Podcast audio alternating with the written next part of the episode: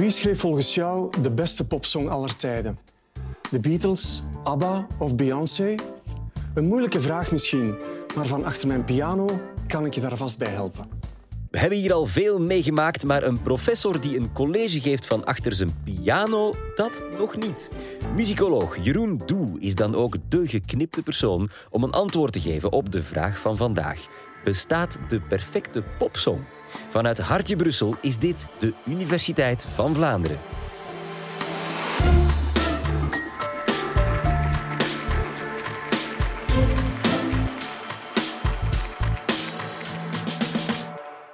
Bestaat de perfecte popsong? Er is één song, er zijn er meerdere, maar één van de songs die dat echt perfect capteert is Careless Whisper van George Michael.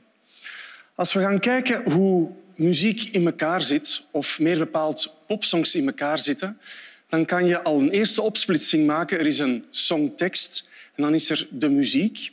En binnen de muziek is er ook een opsplitsing in verschillende factoren. In de wetenschap noemen we dat parameters. En in dit geval noemen we dat dus muzikale parameters. Dat is de melodie, de toonaard, harmonie, ritme en dergelijke meer. En we gaan stilstaan bij een eerste parameter en dat is melodie. Wat verstaan we onder melodie? Dat is eigenlijk de opeenvolging van tonen op basis waarvan we een song herkennen. Dus herkenbaarheid ja, dat is een eerste belangrijke functie van een melodie. Maar tegelijkertijd heeft een melodie ook een bepaalde associatie die we spontaan hebben op het vlak van emotie, psychologisch, een bepaalde betekenis. En dat ligt aan hoe de noten ten opzichte van elkaar georganiseerd zijn in een melodie. Als je een melodie hebt met kleine toonafstanden, we noemen dat intervallen, dan krijg je iets introvert, klein. Dat kan triestig zijn, bijvoorbeeld. En dus tonen die dicht bij elkaar liggen, bijvoorbeeld op een toonladder of op de piano, re, mi, fa in dit geval, of do, mi. En als je dan melodieën krijgt waarvan de noten echt stelselmatig naast elkaar liggen, op kleine afstand van elkaar, zoals dit, en je denkt daar de tekst, de tekst bij I feel so unsure. I feel so unsure As I take your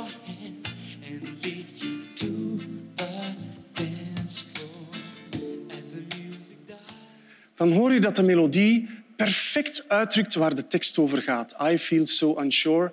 De song gaat over schuldgevoel, dus wordt heel ja, freel gezongen.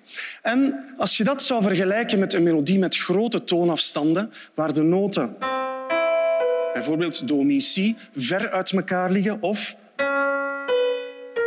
deze enorm grote toonafstand, daar gaat een heel ander gevoel uit voortkomen. Een groots gevoel, een extravert gevoel, zelfs een onoverwinnelijk gevoel. En dat past perfect bij de song The Winner Takes It All. The winner takes it all. The loser standing small. Hier opnieuw een grote sprong.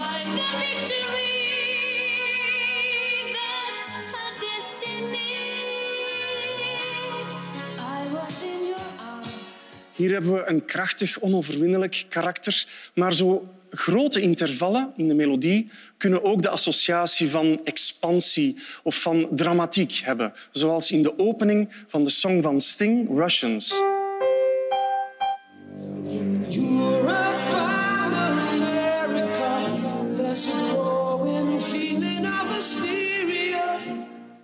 Daaraan merken we dat het heel belangrijk is dat een componist bewust kiest dat de emotie van de tekst en de keuze van intervallen, klein of groot, goed bij elkaar passen. dat is wat betreft melodie. Dus daar hebben we gezien dat kleine en grote melodische intervallen een bepaald effect hebben. Laten we nu de overstap maken naar een andere parameter en dat is tonaliteit. En daar kunnen we eigenlijk iets gelijkaardig horen. Namelijk, als je mineur en majeur tonaliteiten hoort ten opzichte van elkaar, dan hoor je ook meteen zo'n verschil. Mineur, dat hoor je meteen aan de eerste twee, drie tonen van de toonladder.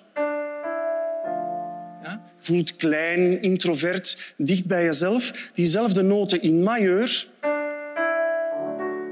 is meteen open, meer zelfzeker, meer extravert. Dus mineur versus majeur geeft meestal een introvert versus extrovert effect. Of triest versus blij. En bij Careless Whisper, want dat is de song waar we bij stilstaan, hoor je dat het een mineursong is. Vanaf de intro hoor je die sfeer.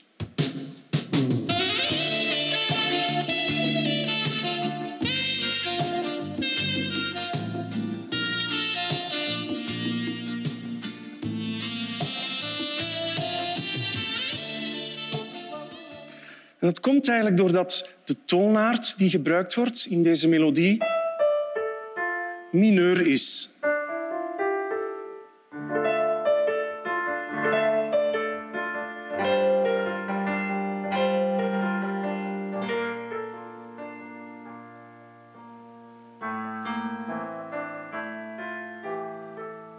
Nu zou ik even de test kunnen doen. Dit was een mineurtoonaard.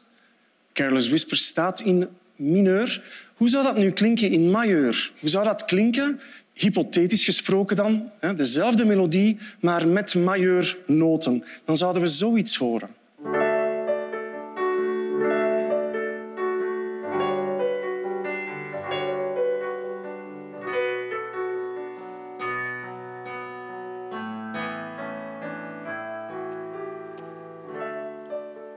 Totaal andere sfeer dan mineur. Dus het is ontzettend belangrijk om bij een bepaalde sfeer, schuldgevoel, onzekerheid, een mineurtoonaard te kiezen. Nu is het interessant dat het niet altijd eenduidig is. Het is niet altijd zo dat een mineurtoonaard een triest gevoel geeft en een majeurtoonaard een blij gevoel. Er zijn ook tussenwegen te vinden. Bijvoorbeeld deze akkoorden, als je die gewoon zo hoort,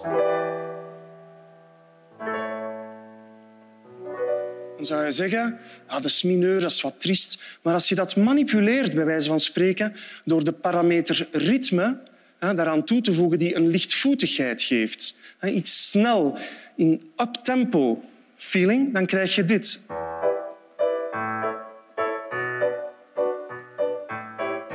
En dan zitten we bij Englishman in New York van Sting. Niet alleen het ritme is lichtvoetig, maar ook de melodie. En dan komen we terug naar onze eerste parameter van daarnet maakt gebruik van grote melodische intervallen.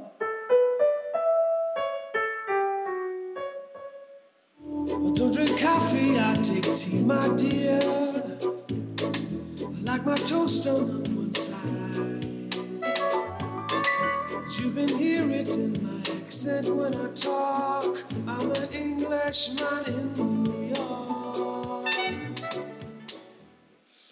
Nog even samenvatten. We hebben melodie bestudeerd, kleine en grote toonafstanden of intervallen. We hebben ook toonaard, tonaliteit bestudeerd, mineur, majeur. En dan gaan we nu naar een magisch gebied, de harmonie.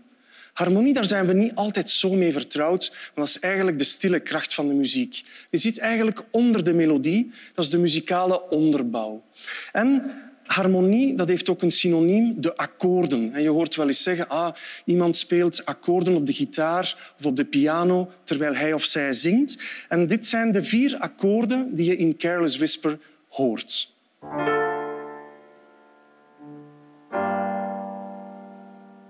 Het derde akkoord, het vierde en terug naar het eerste. Terug het tweede derde, het vierde en altijd terug naar het eerste.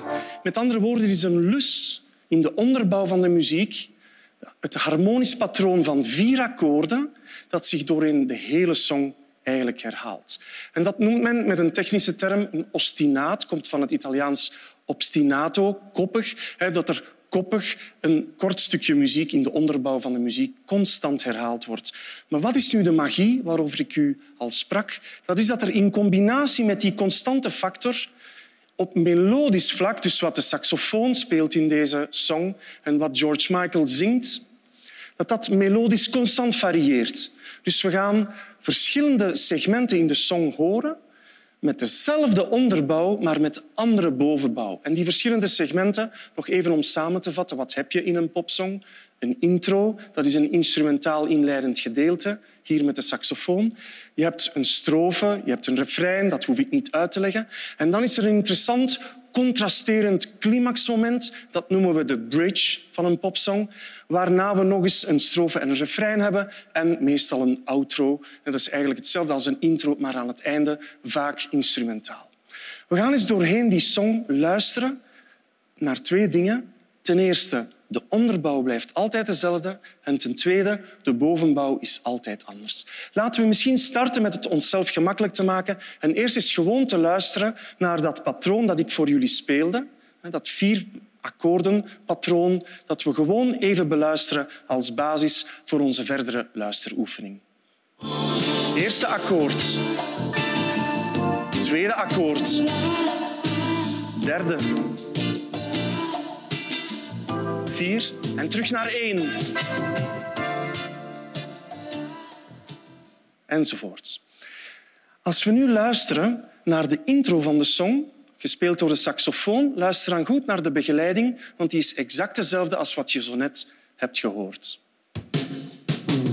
Eerste akkoord.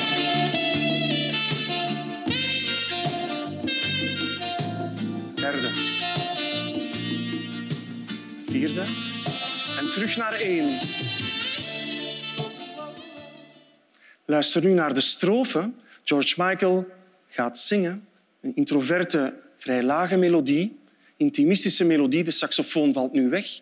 De song verandert van sfeer, maar de onderbouw blijft letterlijk dezelfde. Eerste akkoord. Tweede akkoord. Derde. Vierde terug naar het eerste. Wanneer we dan in het refrein terechtkomen, enkele maten later, dan verandert de sfeer. George Michael gaat veel hoger zingen, in een kopstem, een andere tekst, totaal andere melodie. Maar die onderbouw blijft identiek. Eerste akkoord. Tweede.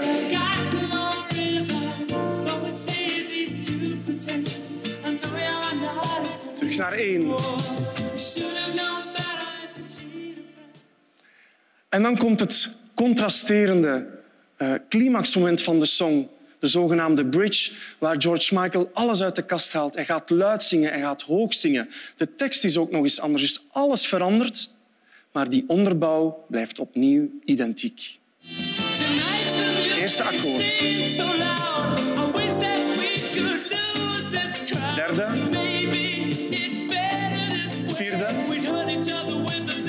Terug naar één. Dat is fascinerend. Misschien had je er nooit bij stilgestaan. Maar iets wat zo herkenbaar wordt op de duur in zo'n song, en dan keer ik terug naar mijn uitgangsvraag van dit college, bestaat er een perfecte popsong? Wel nu, ik denk dat we in deze song die perfectie herkennen. En waarom? Niet alleen omdat heel wat parameters prachtig samenkomen. We houden van die stem, we houden van die tekst, dat doet ons iets, die saxofoon. Maar bovenal zit er een interessante combinatie, ik zou bijna zeggen paradox in die, in die song, die ons enerzijds ja, herkenbaarheid geeft. Want die vier akkoorden komen onveranderlijk terug doorheen de hele song. Dat geeft ons comfort. We kunnen het bijna voorspellen, bewust of onbewust. En die herhaling geeft herkenning, maar tegelijk, en nu komt het, tegelijk samen met die constante onderstroom is er ook voortdurend iets nieuws te beleven in de tekst, in de melodie, in de afwisseling tussen saxofoon en zang. En daardoor worden we geprikkeld, gefascineerd, telkens opnieuw verrast en ontroerd. Dus de perfecte popsong bestaat. Ja, Jeroen Doe en zijn piano, daar had je eigenlijk live moeten bij zijn. Wil je onze opnames eens echt meemaken? Ga dan naar onze website universiteitsvanvlaanderen.be en klik rechtsboven op opnames bijwonen. Of schrijf je in op onze nieuwsbrief. Zo weet je altijd als eerste waar onze volgende wetenschapsavonden plaatsvinden. Heel graag tot daar of tot een volgende keer.